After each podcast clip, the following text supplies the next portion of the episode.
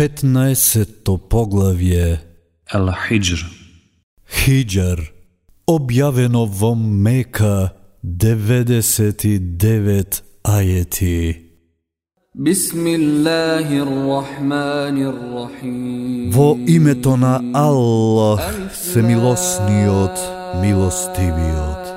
را تلك آيات Елиф, Лам, Ра.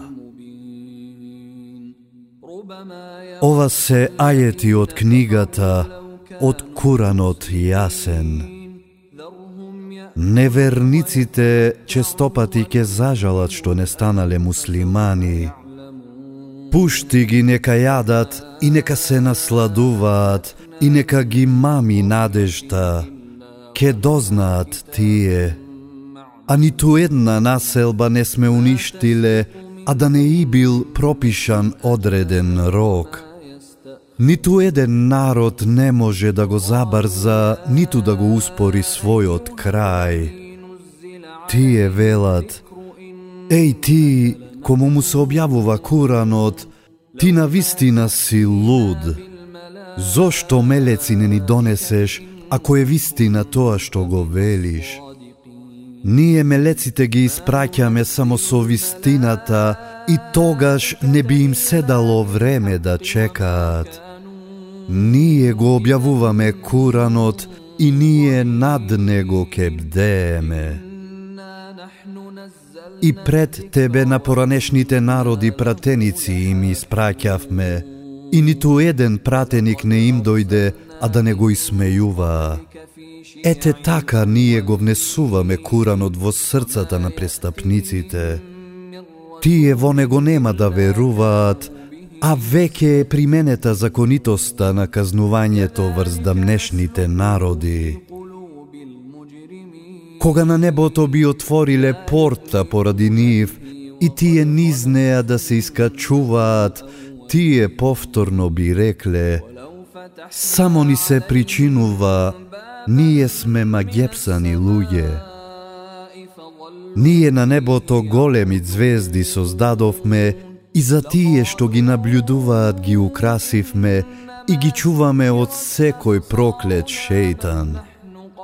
А тој што скришно прислушкува, ке го стигне светилка видлива. А земјата ја распостеливме и по неа неподвижни планини расфрлавме и направивме на неа се со мерка да расте. И од неа ви даваме храна, а и на тие што вие не ги храните.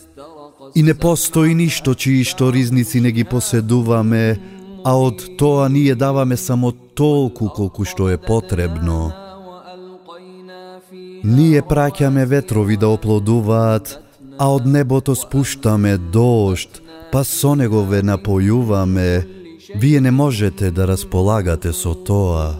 И само ние даваме живот и смрт, и само ние сме вечни. И само ние ги знаеме тие што ви предходеа, и само ние ги знаеме тие што подоцна ќе дојдат. А тој, Господарот Твој, на вистина ке ги собере. Тој е мудар и зналец.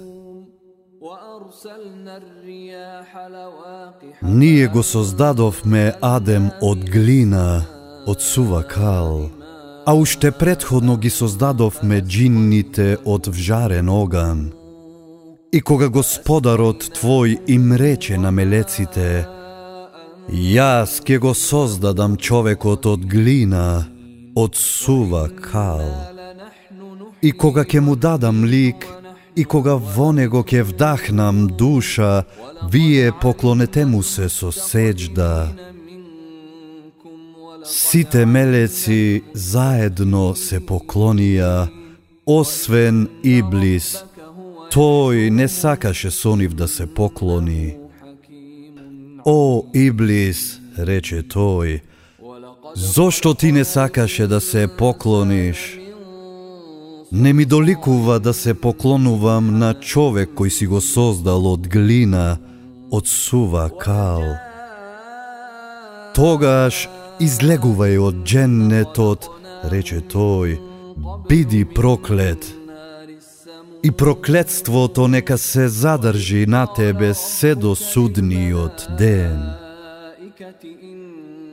Господару мој, рече тој, дај ми време до денот кога тие ќе бидат оживеани.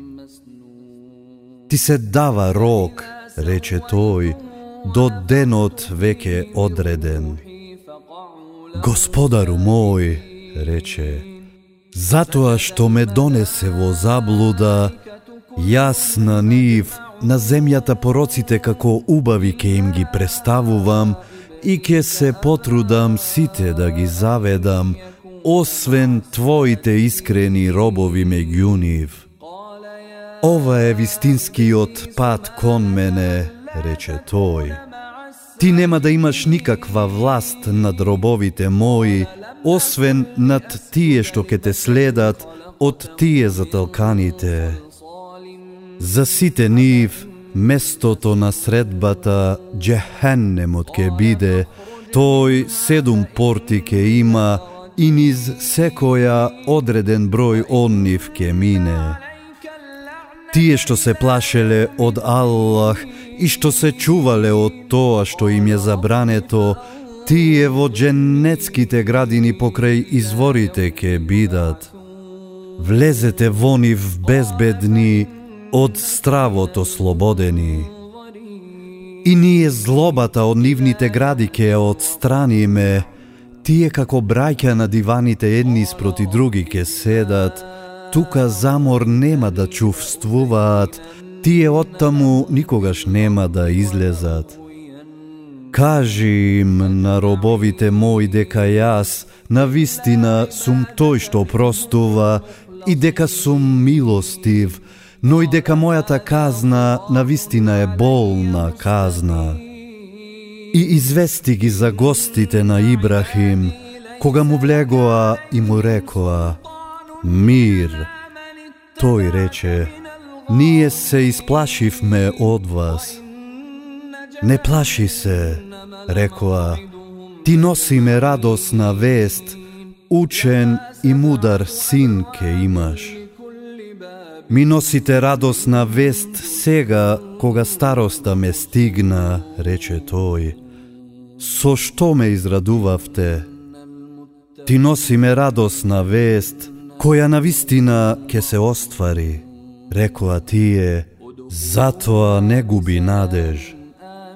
Надеж во милоста на својот господар можат да изгубат само тие што се во заблуда, рече тој и запраша. А што сакате вие, о гласници? Ние сме му испратени на народот престапнички, рекоа. Само сите лутови чеда ќе ги спасиме, освен жената негова. Одлучивме дека таа ќе остане со останатите и казната ќе ја вкуси. И кога гласниците му дојдоа на Лут, тој рече, Вие сте ми на вистина непознати. Не, рекоа тие, ние ти доаѓаме со тоа во што овие постојано се сумневаа, ти доаѓаме со тоа што на вистина ќе се случи, а ние вистината ја зборуваме. Отпатувај со своето семејство во подоцнежниот дел од ноќта, а ти оди последен и никој од вас нека не се врти назад, туку продолжете во правецот кој ви е нареден. И ние му го објавивме тоа што ќе се случи, дека тие сите до последен во мугрите уништени ќе бидат. И дојдоа жителите на градот весели. Ова се мои гости, рече, па не засрамувајте ме и плашете се од Аллах и не понижувајте ме. А зарем не ти забранивме кого било да примаш, повикаа тие. Ако веќе сакате нешто да сторите, ете ви ги керките мои, рече тој. Се колнам во животот Твој, Тие во пијанството свое талка. И нив ги снајде страшен глас, кога сонцето излегуваше, и ние сторивме тоа што беше горе да биде долу, и врзнив како дожд од камења од скаменета глина истуривме. Тоа се навистина поуки за тие што внимателно гледаат. Тој е покрај патот и сега постои. Тоа е навистина поука за тие што веруваат. А и жителите на Ејка беа неверници, па ние ги казнивме и двата се видливи покрај патот. И жителите на Хиджар ги сметаа пратениците за лажни, а ние нашите докази им ги дадовме, но тие од нив главите ги свртеа. Тие куќите во ридови ги делкаа, верувајки дека се сигурни, па и нив во мугри страшен глас ги снајде, и од никаква корис не им беше тоа што го стекнаа. Ние, небесата и земјата, и тоа што е меѓу нив, со вистината го создадовме. Часот на оживување на вистина ке дојде, затоа ти великодушно прости. Господарот Твој создава се, и Тој е сезнајниот. Ние ти ги објавивме седумте ајети, кои се повторуваат и големиот Куран.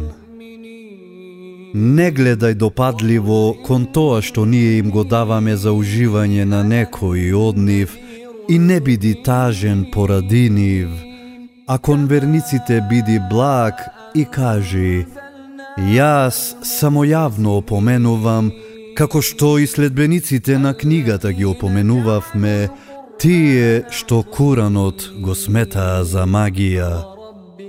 И се колнам во Господарот Твој, сите нив на одговорност ке ги повикаме поради тоа што го правеа. Ти јавно исповедај го тоа што ти се наредува и остави ги многу многубожците. Ние ке те заштитиме од тие што се исмејуваат, што покрај Аллах друг Бог земаат и ке знаат тие. Ние добро знаеме дека ти е тешко во душата поради тоа што тие го зборуваат, затоа слави го Господарот свој и заблагодарувај му и извршувај сеџда и обожувај го Господарот свој се додека не ти дојде смртта. حتى يأتيك اليقين